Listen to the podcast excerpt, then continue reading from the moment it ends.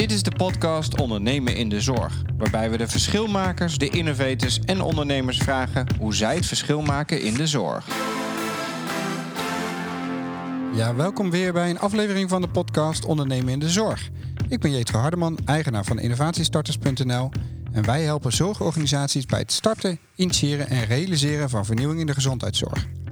En vandaag ben ik de gast bij Jan Kees van Wijnen. Jan Kees is een van de bestuurders van de innovatieve ouderenzorginstelling Tante Louise, zit in de redactieraad van ICT Health en is onderdeel van de raad van toezicht bij de ouderenzorginstelling Sint Franciscus. Maar wat weinigen eigenlijk weten is dat Jan Kees zijn carrière ooit begonnen is als fysiotherapeut, waar hij zelfs nog een aantal maanden als dienstplichtig militair in het leger heeft gewerkt. Jan Kees is al jaren de promotor van innovatie binnen Tante Louise, waarin hij nieuwe innovaties binnenbrengt en probeert verder te brengen met veel succes. Ik wil graag van hem weten welke tips hij ons kan geven om als ondernemende vernieuwer binnen een organisatie het verschil te maken. Laten we starten.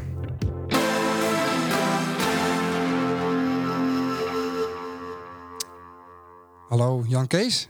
Fijn dat ik hier kan zijn in het. Waar zitten we eigenlijk? We zitten in Steenberg in uh, Tante Zorglab, zoals we dat noemen. Tante Zorglab. En wa wat is dat? Dat is een uh, ruimte waar we gasten ontvangen, maar waar we ook onze medewerkers laten kennismaken met uh, nieuwe innovaties. En uh, waar ik uh, altijd mee begin is eigenlijk de, even weer helemaal terug naar het begin waar het ooit begonnen is bij Jan Kees. Uh, kan je iets vertellen over jezelf als kind? Was jij een ondernemend kind? Of? ondernemend kind, ja, ik ging wel graag op vakantie, want dat vond ik leuk. Dan zag ik nieuwe mensen en ontdekte ik nieuwe omgevingen. En mijn ouders hielden ook van vakanties, dat, dat was prettig. of ik echt als kind al heel ondernemend was. Ik had wel altijd ideeën waarvan ik dacht van hey, daar zou ik eens een keertje wat mee moeten gaan doen. Dus ik, eh, wel, uh, er was wel een bepaalde creativiteit. Ik weet nog niet of ik het al toen al omzette in ondernemerschap, maar die creativiteit zat er wel in. En, eh, kan je nou een voorbeeld geven van wat, wat deed je dan? Nou, uh, mijn, mijn vader die, die zei van ja, nou, hij zat bijvoorbeeld in Spanje en die zei van ja, eigenlijk zou je hier gewoon een bejaardenhuis moeten starten. Hè? Dan kunnen we lekker met het gezin veel meer van de zon genieten. In Nederland is toch wat minder klimaat. Hij zegt, in Nederland hebben we, weten we hoe je een goed bejaardenhuis moet wegzetten. In Spanje zijn ze nog niet zo ver. Ja. Laten we dat gewoon uh, gaan, gaan, gaan doen met elkaar als je wat ouder bent. Nou, dus dat soort, dat soort ideeën bespraken wij dan met elkaar. Ja, en, nou ja, misschien gelijk inderdaad door naar je ouders. Want wat deden die ouders? Mijn vader uh, werkte bij uh, het ministerie van Justitie. Uh, eerst was hij politieagent, dus hij kwam altijd thuis met spannende verhalen. Dus uh, als jongetje wilde ik uh, politieagent worden. Ja. Daar heb ik later vanaf gestapt, maar daar heb ik heel lang die droom gehad. En hij is uiteindelijk bij het ministerie van Justitie terechtgekomen om met asielzoekers bij de directie Vreemdelingenzaken de, de stroom van asielzoekers die in Nederland kwam in goede banen te leiden. Ja. Ik kan me voorstellen dat er ook wel een sterk moraal was binnen het gezin. Ja, ik, wij zijn christen. Dus wij gingen zondag naar de kerk. Ik ga nog steeds zondag naar de kerk. En nou, de, het morele kompas kwam, uh, kwam en komt nog steeds vanuit de Bijbel. Oké. Okay, ja. en, en je moeder? Mijn moeder was eigenlijk toen we klein waren huisvrouw. En toen wij weer van school af waren, toen is zij ook wel weer gestart met werken. En die, die deed met name werk achter de balie, ook in de ouderenzorg. Ja. ja. Als je ouders je zouden moeten omschrijven van die tijd, acht, negen jaar, hoe zouden ze je dan omschrijven? Uh, vrolijk, ehm, altijd ehm, goed lachs en genietend van het leven. Genietend van het leven? Ja. ja? ja. In het kader van veel sporten? Of? Ja, ik, ik was eigenlijk altijd aan het voetballen. Dus als ik thuis kwam, was het even wat drinken en dan ging ik of op straat of in het park gingen we voetballen. En ik kwam pas thuis als uh, één minuut voordat we gingen eten, zeg maar. ja, ja, ja.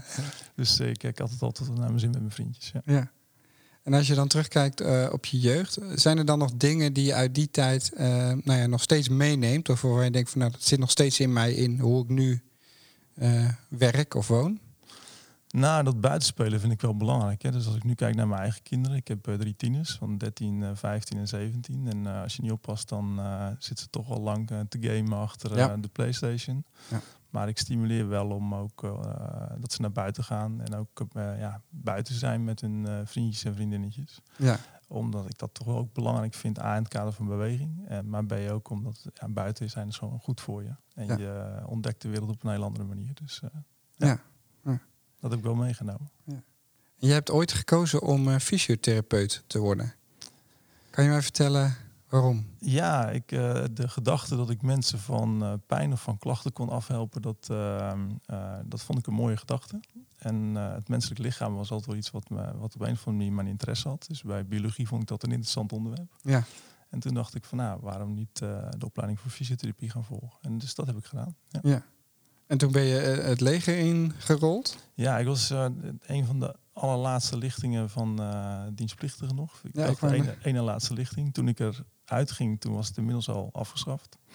Uh, en ik ben, heb daar uh, een verkorte officiersopleiding gedaan. Als je fysiotherapeut wil worden in het leger, dan, dan is dat zeg maar de, de verplichting.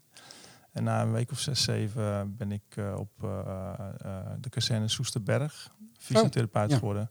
En ik zat daar in een, ja, een, een, medische post met een tandarts, een apotheker en een arts. En dat was eigenlijk heel erg leuk. Ja. Kun je me meenemen naar die tijd? Van, hoe, hoe is dat dan inderdaad om in het leger te werken?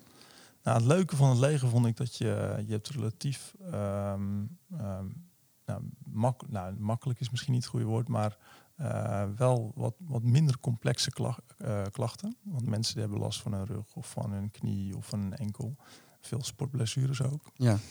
En dat was interessant om, uh, ja, om als je net je, je studie hebt afgerond, om zeg maar, dat soort dingen voor je neus te hebben. En later, toen ik in het ziekenhuis ben gaan werken, heb ik veel meer complexe dingen gezien. Maar het was wel prettig om uh, ook gewoon de, de wat meer enkelvoudige blessures, uh, om daarvan te leren hoe je als fysiotherapeut ermee om moest gaan. Ja. En ik kan me dan ook voorstellen dat, dat er een, een verschil in cultuur is tussen een ziekenhuis en het leger. Ja. Welke verschillen heb je gemerkt? Nou, het leger was natuurlijk toch wel een, uh, een soort van macho-cultuur. Uh, ja, Paste dat? Nou, nee, dat was niet helemaal bij mij. En toch kon ik er wel uh, op een bepaalde manier naar kijken. Dat ik dacht van, ja, het heeft ook wel goede aspecten. Dus het waren wel mannen die zich wilden inzetten. En ook veel sporten genoten van het buiten zijn. En eigenlijk ook op een hele goede manier hun dag invulden in mijn beleving. Dus dat vond ik wel mooi om te zien. Maar de cultuur was niet helemaal passend. Ik vond in het ziekenhuis, waar je eigenlijk met heel veel mensen bij elkaar een soort grote familie bent die nou, probeert om de patiënt uh, te genezen of zo goed mogelijk weer naar huis te sturen. Dat vond ik eigenlijk een, een, een, warmere cultuur dan in het leger. Ja. ja. En, en hoe, hoe, hoe verhield je je dan in dat leger met die macho cultuur? Daar moest ik wel aan wennen.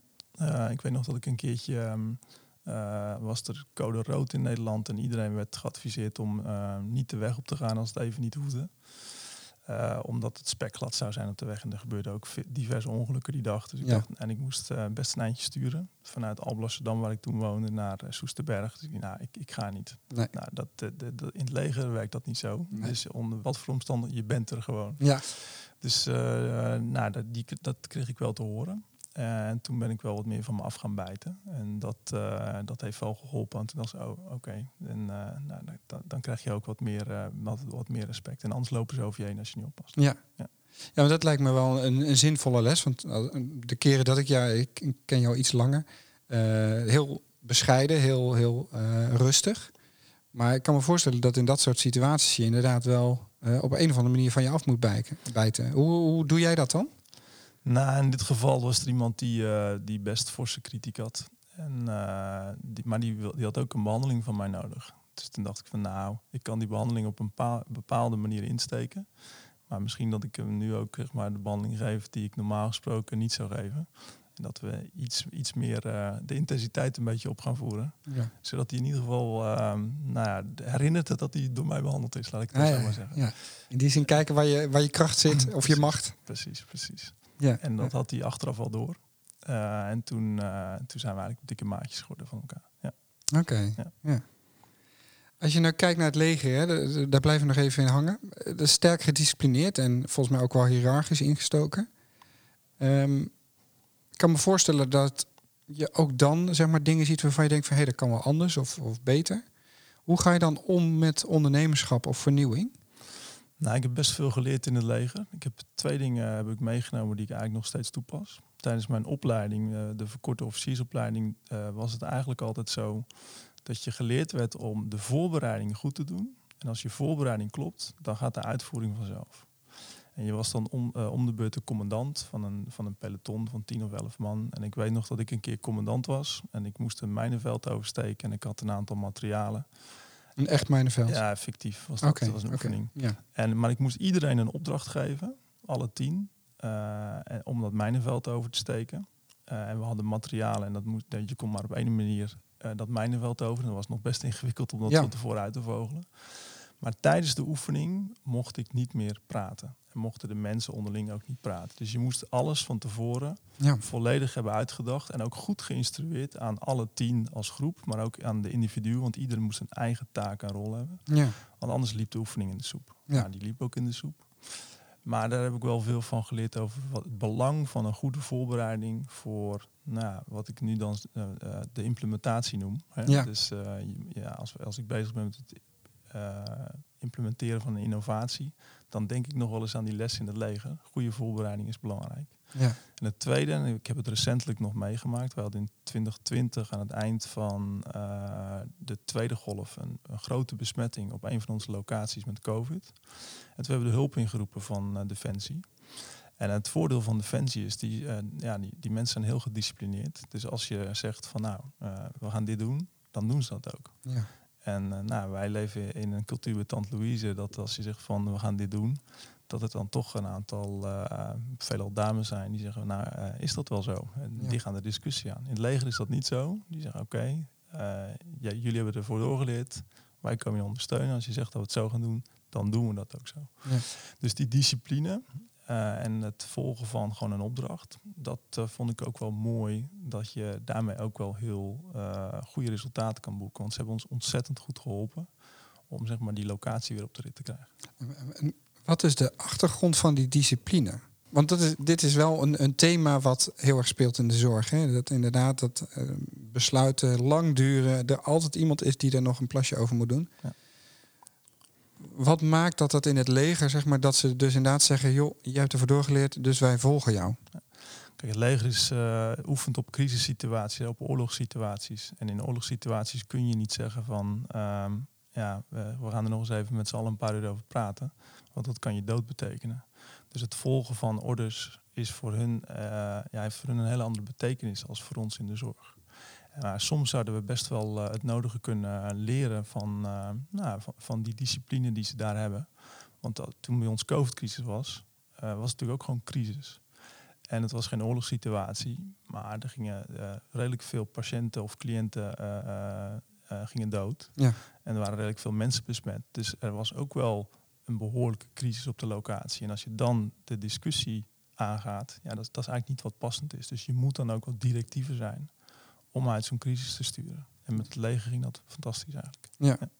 Die zijn daarop gedrild ook. Ja, Je hoort Ja. ook wel eens dat, me, dat mensen eerst afgebroken moeten worden om opnieuw opgebouwd eh, te moeten worden. Dan weet ik niet of dat helemaal geldt. Maar dat weet ik ook niet. maar ze zijn, ja, ze zijn zo getraind. Ja. eh, om in, in gevaarlijke situaties, om crisissituaties eh, orders te volgen. heb jij buiten die twee tips eh, nog andere lessen geleerd, zeg maar, die je no- nog steeds meeneemt eigenlijk? Dagelijks werk of leven? Eh, tips vanuit Defensie of Ja? überhaupt? Eh, nou, dat, ik denk dat dat de twee belangrijkste tips waren vanuit Defensie. Eh, Zorg voor een goede voorbereiding. En ehm, nou, en, never waste a good crisis. Want je kunt dan ook zeg maar, dingen die je al wat langer van plan bent... eh, onder het mom van de crisis kun je die door gaan voeren. Want dan is de noodzaak er om het te doen. Dus je kunt de crisis ook gebruiken om dingen die je van plan was... en die misschien nog niet zo goed waren gelopen... om hem dan toch doorheen te krijgen. Dus dat heb ik ook wel gebruikt. Ook voor innovatie. Ehm, dus dat, dat- zijn wel de twee dingen die ik meeneem. Ja. Ja, ze zeggen wel eens dat eh, de perfecte voedingsbodem voor innovatie is ofwel we willen, hè, een, een grote ambitie, Ja. we willen het beter doen, maar veel vaker eigenlijk we motten. Ja. We, we moeten gewoon, anders Ja. dan Ja. redden we het niet. Nou, eh, een voorbeeld die, eh, eh, die ik dan heb ingebracht in de crisis is de, het gebruik van slimme brillen. Dat is best nog wel een complexe, want er gaat communicatie over, er gaat spraak over, er gaat beeldverbinding over. Dat moet het allemaal doen. Eh, we hadden best wel geïnvesteerd in ons netwerk, maar je ziet toch dat die nog regelmatig in de kast lag. Maar toen het crisis was, toen hadden we best wel wat medewerkers die uit voorzorg in quarantaine zaten of in isolatie, maar die toch niet heel erg eh, ziek waren. Eh, en op de locatie hadden we leerlingen eh, ja, die eigenlijk nauwelijks aandacht kregen. Want het was een beetje vrouwen en kinderen eerst voor de mensen die nog wel op de locatie werkten. En die leerlingen hingen er maar een beetje bij. Ja. Met alle risico's van dien, hè? Zeker. Dat ze uitvallen, overvraagd worden, Ja, en, en, nou, fouten maken. Ja, ja. dus die, die leerlingen die zijn al heel schaars. En er de vallen er al genoeg uit als je kijkt naar de landelijke cijfers. Dus daar willen we Ja. heel zuinig op zijn. En wat hebben we toen gezegd? We hebben gezegd van nou, als nou die leerlingen zo'n slimme bril opzetten, dan kunnen die mensen die thuis in quarantaine zitten, kunnen op afstand meekijken. Kunnen die leerlingen eigenlijk eh, privébegeleiding geven.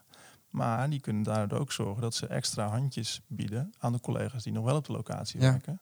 Zodat die locatie niet overvraagd wordt en eigenlijk de mensen die thuis zitten een zinvolle bijdrage kunnen leveren om hun collega's te ondersteunen.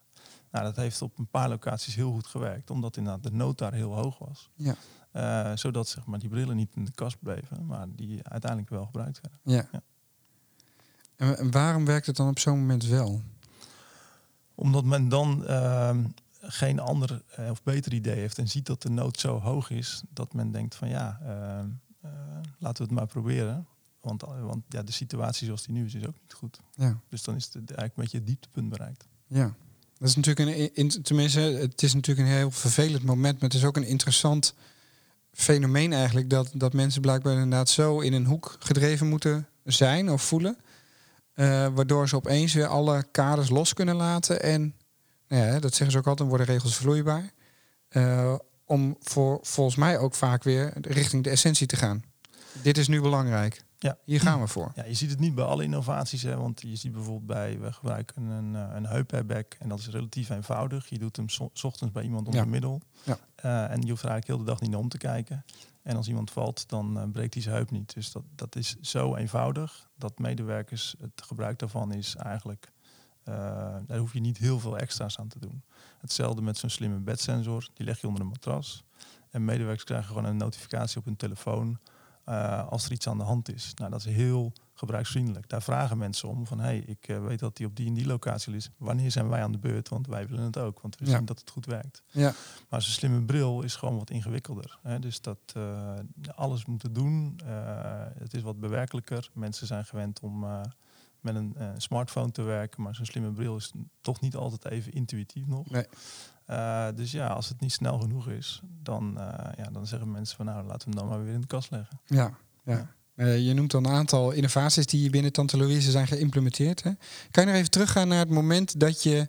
want en na het leger heb je een aantal andere functies gehad. Ja. eh, ook adviseur geweest. En toen ben je bij Tante Louise gestart. Wat, wat was jouw eerste ja, opdracht misschien wel? Toen ik met Tante Louise kwam. Ja, Ja, toen ik met Tante Louise kwam, eh, kwam ik in instantie als, als interimmer.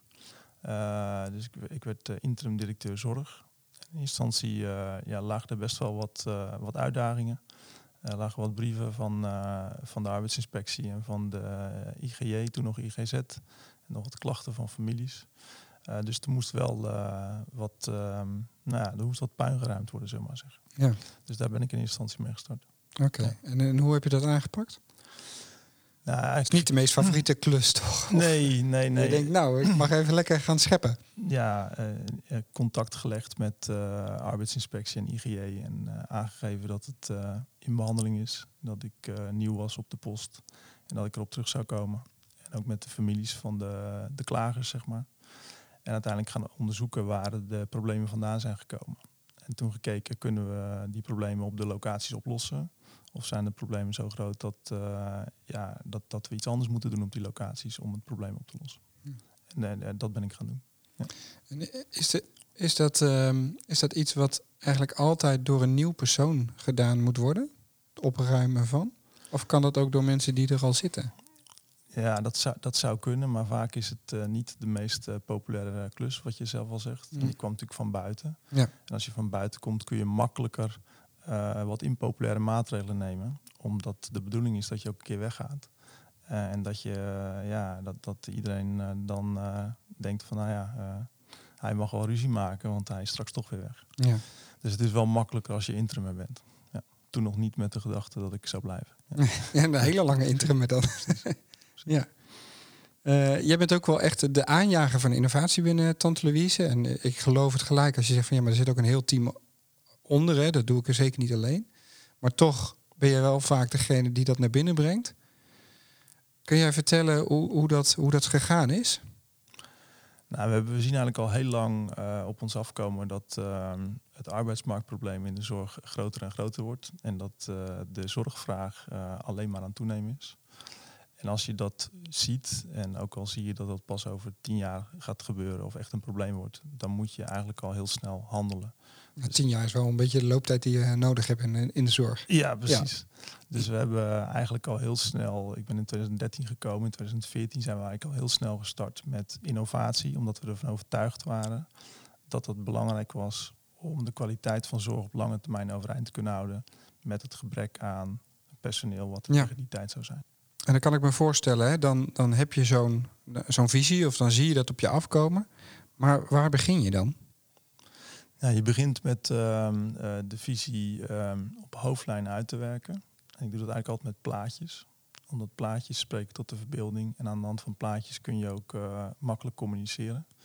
En ooit heeft een meneer uh, Sinek gezegd, Simon Sinek, die zei van nou ja, eh, eh, start with why. Begin Ja. met het waarom. Want ondernemers die met waarom beginnen, die zijn succesvoller als ondernemers die dat niet doen. En dus eh, start from the inside out. Eerst het waarom, dan het hoe en dan het wat. En meestal zie je het precies andersom. Mensen beginnen te vertellen wat ze doen, dan hoe ze het doen. En op het eind misschien nog een keer waarom ze het doen. Ja.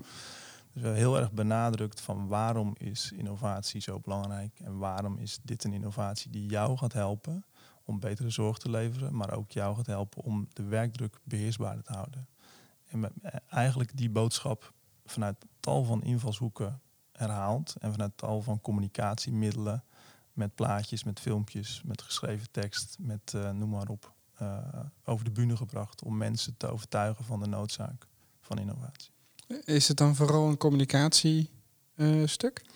Communicatie is denk ik super belangrijk, omdat als je ehm, eh, het niet goed uitlegt, dan kan een innovatie een hele andere betekenis krijgen. Het voorbeeld eh, wat je misschien zelf nog wel kent is Martin van Rijn. Die werd door zijn vader zeg maar, eh, bij Nieuwsuur eh, aangeklaagd over het plascontract. Eh, de urine liep lang, langs de enkels van de moeder van Martin. Ja. En zijn vader vond het schandalig. En nou, hij moest zich zijn, verantwoorden, zeg maar. Dat vond hij lastig. Maar wij gebruiken bijvoorbeeld slim incontinentiemateriaal. Als ik dat niet goed uitleg, dan is het niet meer dan een plascontract. Want ik verschoon nog maar een paar keer per dag als ik op mijn telefoon zie dat het nodig is. Ja. Ehm, en dan krijg je een hele andere associatie erbij. Maar als je het goed uitlegt, dan zorgt het voor meer privacy bij de cliënt. Eh, hij ligt niet meer in een nat bed of eh, het is niet meer vochtig. Hij krijgt minder wondjes. Eh, er is minder schaamte. Ehm, iemand voelt zich prettiger. Heel veel voordelen bij de cliënt. En bij de medewerker heeft het als voordeel eh, dat hij eh, minder hoeft te verschonen. Want hij hoeft alleen nog te verschonen als het nodig is. En ook heel veel tijd bespaart. Hè. De eh, gemiddelde besparing is ook onderzocht. Het is een half uur per cliënt per dag. En medewerkers die voelen dat ook als ze het gaan gebruiken. Ja. Nou, als je dat goed over de bühne kan brengen. En als leidinggevende dat ook vooral goed in hun oren hebben. Want in een team heb je wisselingen. Dus die moeten Ja. het ook bij nieuwe medewerkers over de bühne Ja. kunnen brengen. Dan is het mijn ervaring dat, het, eh, dat je succesvol kunt, eh, kunt implementeren. En wat is dan jouw grootste kracht daarin? Wat doe jij dan precies? Nou, om ervoor te zorgen dat die why, om dat waarom, dat dat eh, voldoende breed bekend is. En dat de medewerkers weten what's in it for me. En dat ook de cliënten en de cliëntenraden en cliëntvertegenwoordigers ook weten what's in it for me. Of wat what's in it voor mijn naaste of mijn Ja. doelgroep. Ja. Klinkt ook wel als een soort eh, monnikenwerk. Dat is het ook, want het is, eh, als je het hebt over veranderkunde, dan eh, een van de regels is herhalen, herhalen, herhalen. En dat is met dit ook. Ja. Want als je niet vaak genoeg herhaalt, dan kan je in de valkuil trappen dat het toch niet geadopteerd wordt en het niet goed geïmplementeerd wordt op een locatie. Heb je momenten gehad dat je nou, de moed had opgegeven? Ehm, nee, dat niet, omdat ik altijd geloof in de, in de kracht van innovatie. Maar er zijn wel wat taaie eh, processen geweest van implementatie. Dat je denkt, oeh, nu hebben we toch wel heel veel uit de kast getrokken. En het is nog steeds niet het gewenste resultaat. Kun je, kun je daar een voorbeeld van geven? Een taai proces? Ehm, nou, we hebben eh, geëxperimenteerd met een eh, robotrollator. Een slimme, een slimme rollator. En nou, die had heel veel potentie. En we hebben echt tot, tot drie keer toe heel veel energie gestopt om die, eh, ja, te laten landen. Ja. Maar voor de revalidatie bleek het zo te zijn dat uh, eer dat de, de revalidant het leerde kennen, uh, ging hij naar huis en moest hij afscheid nemen van het apparaat. Voor mensen met dementie gaf hij eigenlijk te veel prikkels. En voor mensen met uh, Parkinson hebben we ook nog getest, was die technisch te instabiel. Want uh, als die ineens naar achteren gaat rijden, dan uh, krijg je gevaarlijke situaties. Ja. Ja, ja, Dus eigenlijk was die voor geen enkele doelgroep echt geschikt. Terwijl we daar wel heel veel tijd en energie in hadden gestopt. En eigenlijk ook wilden dat het zou slagen. Omdat er ook heel veel mooie uh, functionaliteiten op zaten die voor onze doelgroep ja, van toepassing Maar wa- wat is dan de grootste les die jij eruit gehaald hebt? Nou, de grootste les daarvan was dat ik uh, eigenlijk uh, uh, een beetje gevallen ben voor uh, het mooie ontwerp en de, de uitstraling ervan. En niet van tevoren heb gedacht welke, bij welke vraag is, is dit het antwoord. Ja. ja dus eigenlijk vooraf de voorbereiding, zoals ik de, bij Defensie had geleerd, niet goed uitgevoerd. Nee, de why misschien wel. De why, ja precies. En welke why zit hij eigenlijk Welke gekoppeld? why zit hij, ja. ja. Ja. Het is wel een herkenbare situatie, hè, wat, wat volgens mij heel vaak gebeurt. Ik moet ook nog denken aan de, uh, de zorgrobot, Zora. Vind ik eigenlijk een beetje vergelijkbaar. Hè. De, de, qua functionaliteiten en potentie, nou ja, de, zou die, uh, de sky is the limit. En uiteindelijk ligt hij overal in de kast. Ja, die hebben wij dus ook bewust niet ingezet. Uh, naar aanleiding van de les van de robotrollator. Wij hebben de Zora niet aangekocht, precies, nee. om, dit, om, precies om deze reden. Ja. ja, ja. ja. Um, in je laatste artikel wat je had geschreven bij ICT Health had je het over we gaan niet voor postcode geluk. Kan je uitleggen wat je daarmee bedoelde? Ja, kijk, uh, meestal start een innovatie op een locatie. Hè. Er is een, een, fysiotherapeut die enthousiast is om iets te implementeren. Of uh, ik, ik heb iets binnengebracht waarvan we denken, nou dat is goed voor de doelgroep palliatieve zorg. We gaan naar het, naar het hospice als eerste. En op het moment dat je zo'n innovatie succesvol hebt geïmplementeerd en je denkt dat het breder is dan alleen die ene locatie, dat je het breder kunt toepassen, dan onthoud je de mensen op de andere 16 locaties, onthoud je iets als je het niet daar ook implementeert. Maar je onthoudt ook de uh, bewoners of cliënten van uh, Tante Louise iets als je het niet daar ook implementeert. Dus dat bedoel ik met postcode geluk. Dus op één postcode, op één locatie, daar een innovatie implementeren. Dat lukt vaak wel, maar dan, uh, dan is er sprake van postcode geluk. De crux is om het op alle locaties te doen, zodat er uh, ja, daar geen verschillen in bestaan, dat je geen ongelijkheid krijgt. Nee. En betekent dat dan dat je alleen energie zet op die dingen die inderdaad op meerdere postcodes kunnen werken? Of mag het naast elkaar sta, bestaan? Nee, uh, we hebben onszelf wel uh, de uh, verplichting opgelegd dat als het goed is voor de, een bredere doelgroep dan één locatie, dan moet het ook naar die andere locaties. Dus het is bij ons niet zo dat je een innovatie maar op één locatie ziet. Tenzij we bijvoorbeeld in een nieuwbouwsituatie iets heel nieuws in een gebouw hebben gedaan. En in een oud gebouw nou, moet je echt heel veel gaan verbouwen. Maar over het algemeen willen we het, als het goed werkt, willen we het overal. Ja. Um. Nou, los van volgens mij dingen die goed zijn gegaan en, en hier en daar wat taaie processen. Um,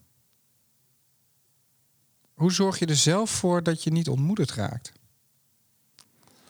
Nou, een van de dingen die, um, uh, die belangrijk zijn, is dat je je successen viert. En je moet dus ook uh, de kleine successen vieren. Dus, uh, maar hoe doe jij dat?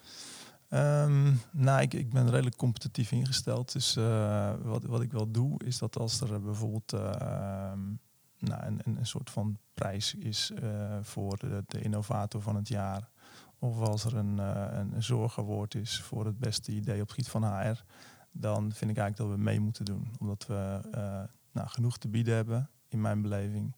En het geeft ook een boost aan de organisatie als je een prijs wint. En op die manier ook uh, de mensen kunt uh, nou, stimuleren. Kijk eens, uh, dat ja. is ook jouw verdienste.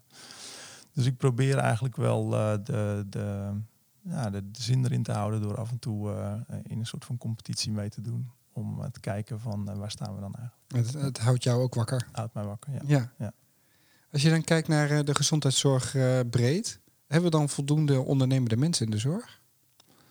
Ja, dat is een goede vraag. We zien dat uh, de, de start-ups met de goede ideeën nog maar heel uh, moeilijk opschalen.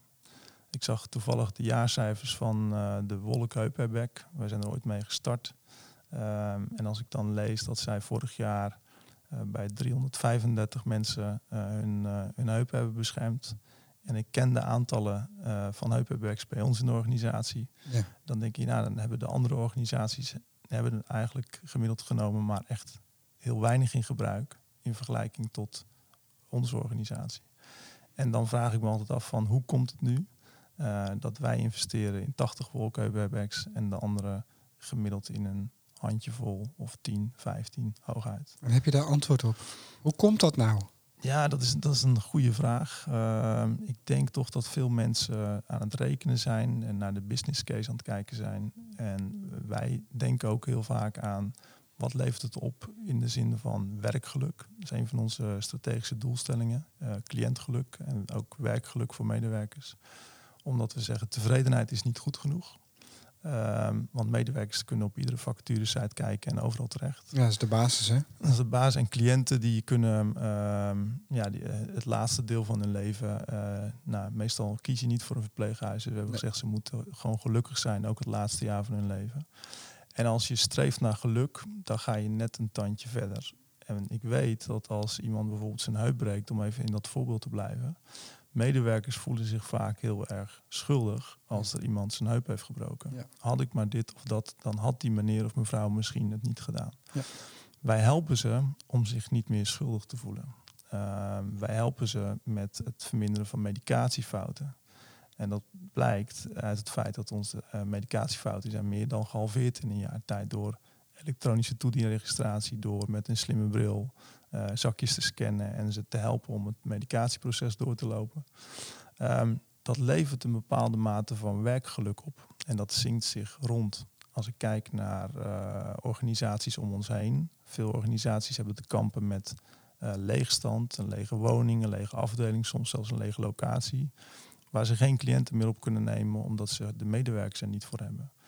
Gelukkig hebben wij dat niet en uh, merken we dat medewerkers over het algemeen nog graag voor Tante Louise werken. Nou, dat is ook een opbrengst. Dat is, dat is als je naar, de, naar een business case gaat kijken, is dat opbrengst. En wij denken dat innovatie uh, daarvoor een heel groot deel aan bijdraagt. Dus um, ja, wij kijken net iets verder dan uh, wat kost nou zo'n heupback en levert dan zo'n heupback dat ook op. En we kijken ook naar de mogelijkheden die het extra biedt in uh, minder ziekteverzuim en meer werkgeluk. Ja, ik, ik probeer het te begrijpen, hè, want ik, ken de verhalen. Ik, ken ook de potentie van dit soort innovatieve producten.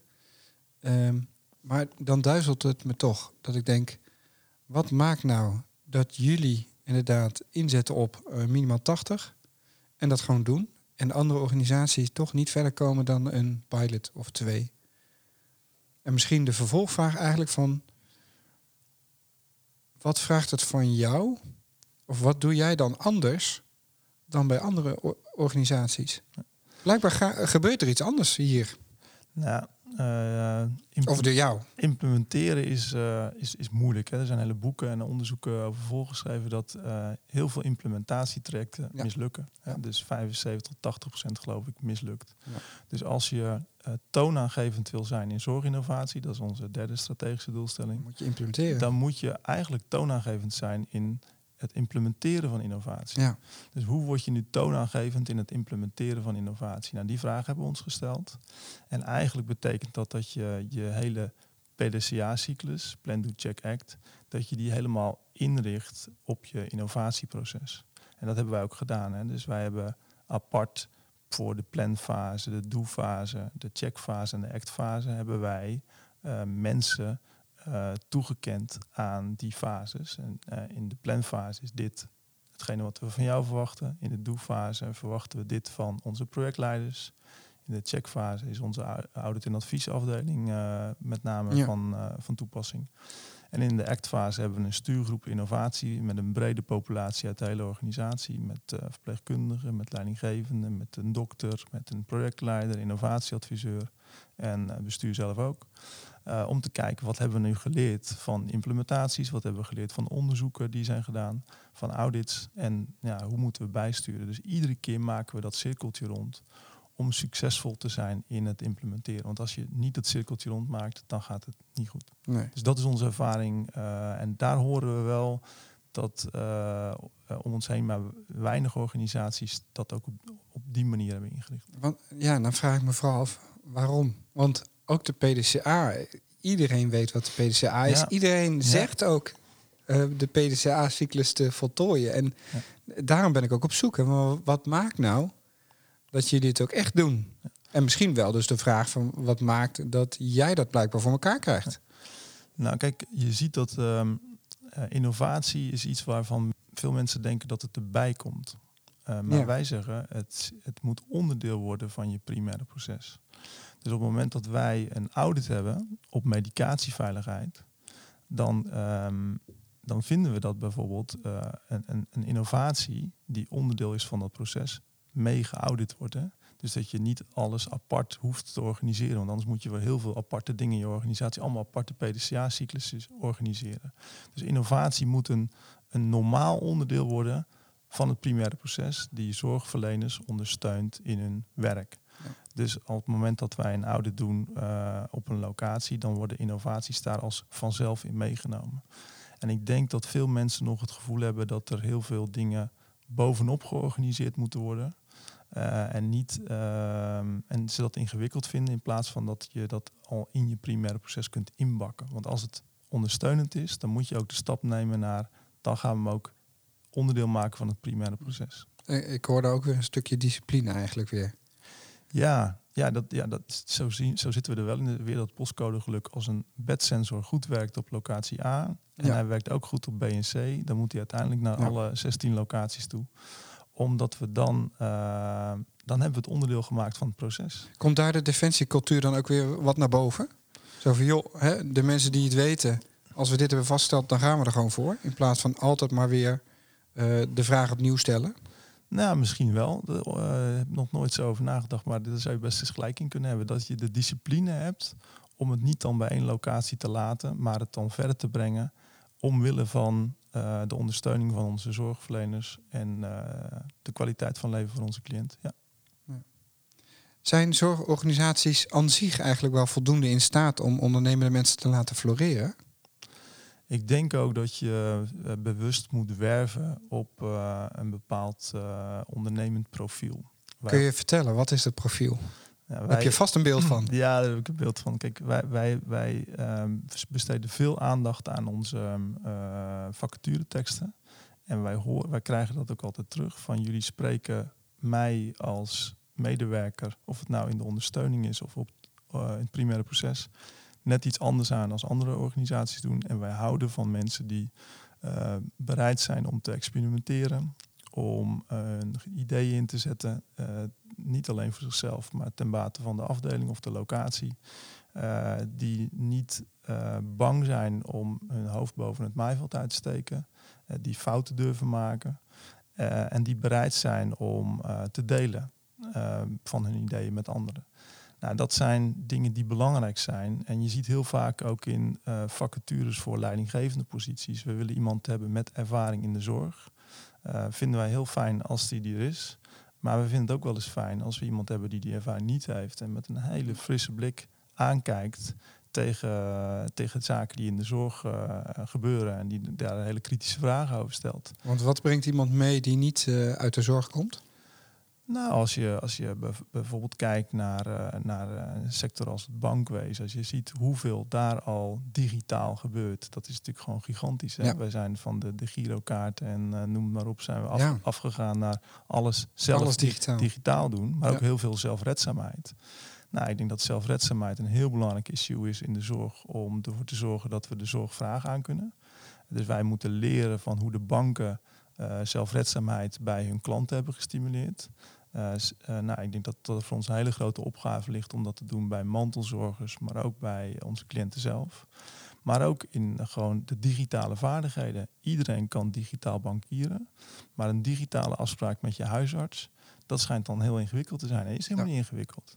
Nou, zeg maar die lessen, dus iemand die uit de bankwereld komt en die zegt van ja, maar hoezo doen we dit niet digitaal? Hè, het zou eigenlijk digitaal tenzij moeten zijn. Ja. Nou, die frisse blik, Ik hoor ook een die hebben we bepaalde, wel nodig. ja. een, een bepaalde ehm, vastberadendheid. ja, Zeker. Geen genoegen nemen met nee of misschien. Doortastendheid. Ja. En eh, nou, toch wel een beetje de, de, de, de terrier-neiging van om je in iets vast te bijten. En dan ook niet meer los te laten. Daar, Ja. daar houden we wel van. Ja. Ja. Nou, dat is in de zorg eh, soms een welkome aanvulling inderdaad. Ja. Daarop volgend, eh, moeten mensen dan misschien in de zorg meer leren ondernemen? Of vind je dat ondernemers ehm, meer moeten leren hoe de zorg werkt? Ehm, om op de eerste in te gaan, wij geven medewerkers eigenlijk iedere dag twee opdrachten mee. De eerste opdracht is, doe je, doe je dagelijks werk.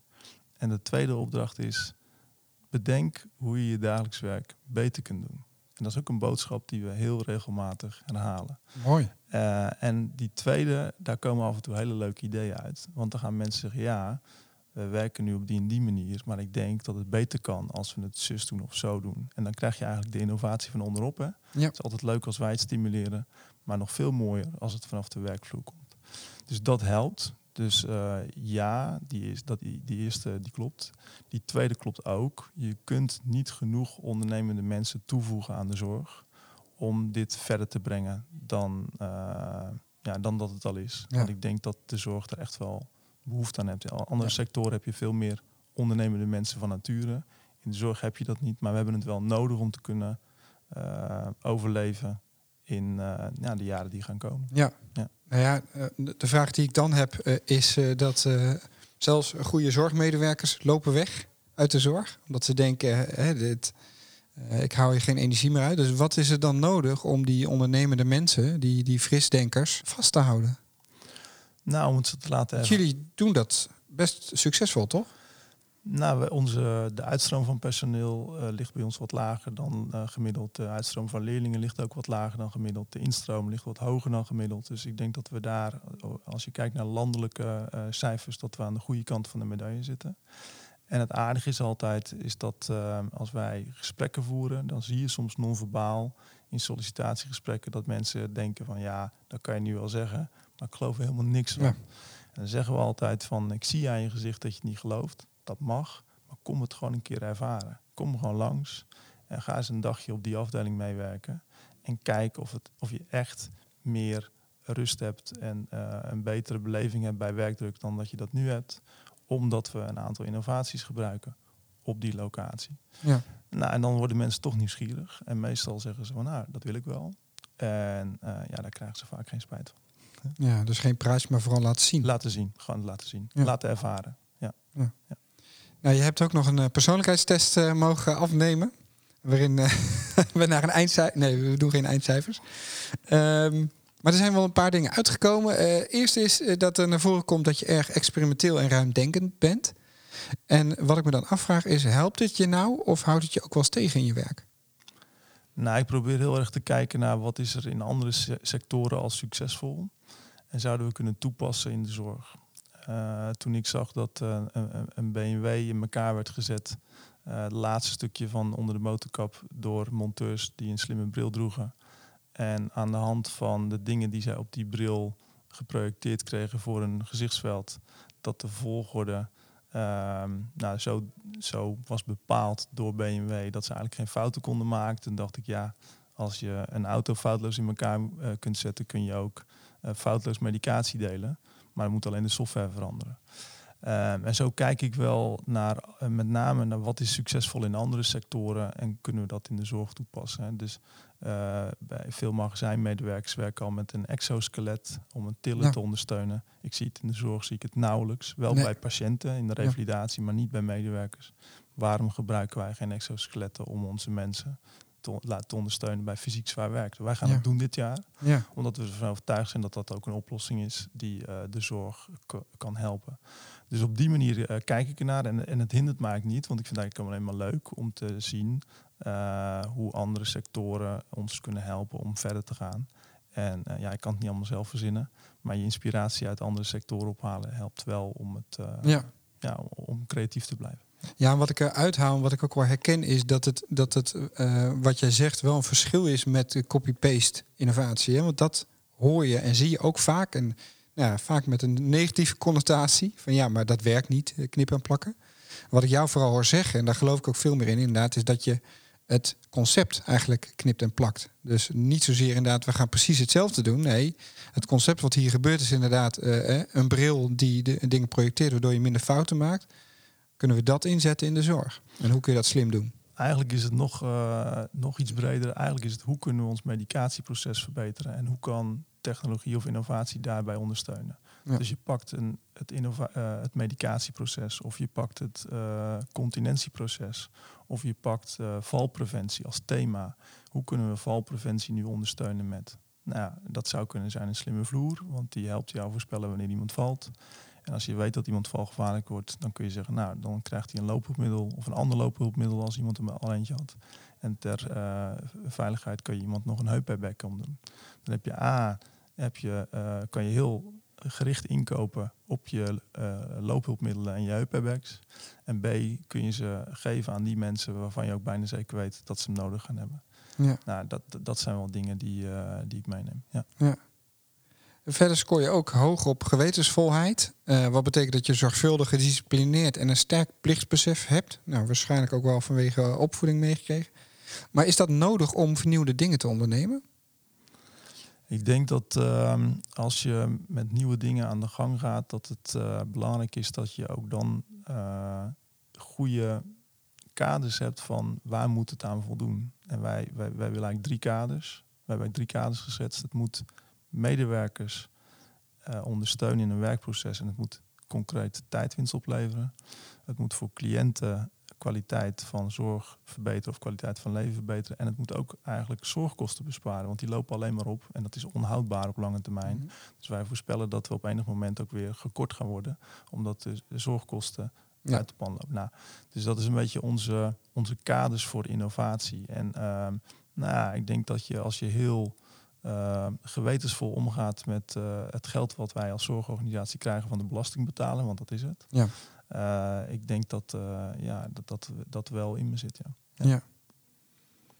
Wat me opvalt is dat als het vaak als ik het heb over innovatie, de eerste associatie die mensen hebben is creativiteit, gekke dingen doen, out of the box denken. Maar eigenlijk in het hele gesprek bij jou hoor ik juist de, de meer proceskant, goed voorbereiden, veel meer de projectmatige en de blauwe kant eigenlijk dan de, de, de creatieve kant. Ja, ja. Is dat een bewuste keuze of is dat gewoon ook hoe jij in het werk of in, in het leven staat? Nee, ik denk dat uh, hij is niet, niet helemaal bewust, maar wel vanuit de overtuiging dat je kunt met creativiteit heel veel verzinnen en heel veel doen. En je kunt ook wel de goede vragen stellen. Maar uiteindelijk, omdat implementeren zo lastig is, het moet uiteindelijk er wel gaan komen. En, ja. Uh, dus je kunt, ja, creatief proces zijn hartstikke mooi. Maar de crux zit hem in uh, de implementatie, de executie, ja. wat je zegt. Heb je het gevoel dat organisaties daar uh, zich ook bewust van worden of zijn op dit moment?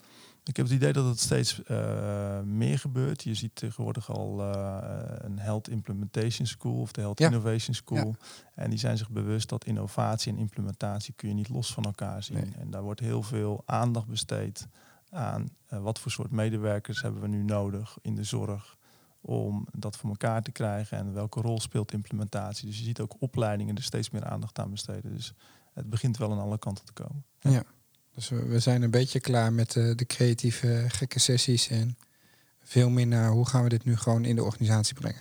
Ja, in die zin weer een bepaalde rust heb ik dan ook het idee, toch? Ja, ja. Ja. Weg van de gekheid en de, de toekomstbeelden. Hè? Want dat hadden, hadden we ook natuurlijk. De toekomstbeelden van uh, alles zou uh, het oplossen. Maar terug naar de realiteit. Ja, ja ik hou wel een beetje nuchterheid. Ja. Ja, ja. ja.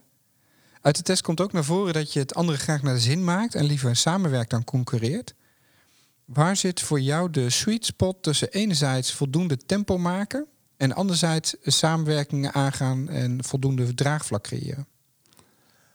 Nou, ik denk dat kijk, als Tante Louise als enige uh, heel erg sterk bezig is met innovatie, dan is het een druppel op een gloeiende plaat. En als wij onze lessen kunnen delen met anderen, uh, dan doen we A, iets goeds voor de zorg, althans daar zijn we van overtuigd. En B, helpen we anderen om te versnellen. Uh, en kunnen we ook gewoon door, van elkaar leren, hoe doe je dit, soort dingen nu? Dus ik geloof in het delen van dingen, omdat dat de samenwerking versnelt. En soms zou je willen dat dingen sneller gaan, maar je moet ook accepteren dat sommige organisaties of teams of locaties niet zo ver zijn nog.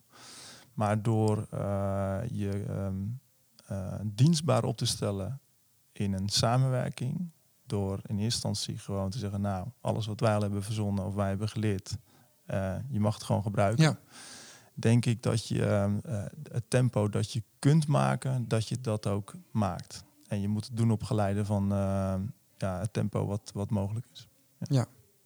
Dus daar hoor ik je eigenlijk enerzijds zeggen, niet wachten totdat je voldoende draagvlak hebt in samenwerking. Wel gewoon starten. Ja.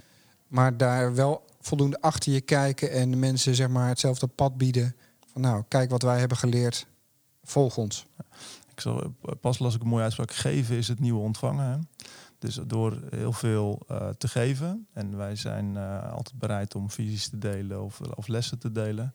Eh, daar ontvang je ook weer het nodige van. Want op het moment dat organisaties om jou heen jouw voorbeeld volgen, dan heb je in een regio heb je, ja, kun je mooie dingen realiseren met elkaar. Ja, Waardoor je als regio de druk op de zorg kunt verlichten.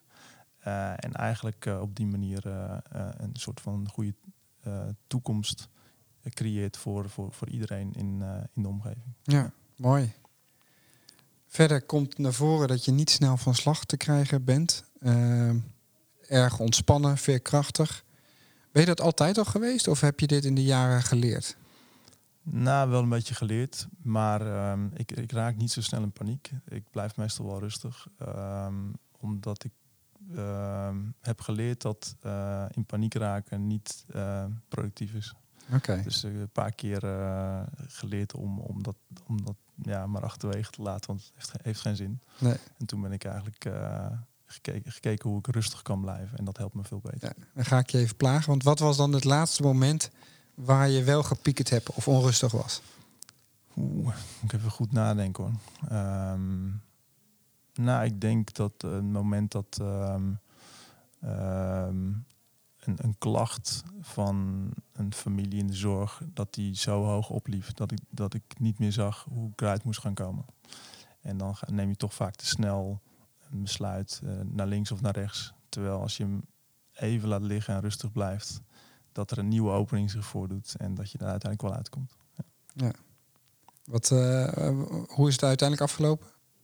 Ehm, uiteindelijk is het eh, in, een, in een tweede gesprek alsnog goed gekomen. Oh, maar daar, daar hadden we veel creativiteit voor nodig. Ja. Ja. ja.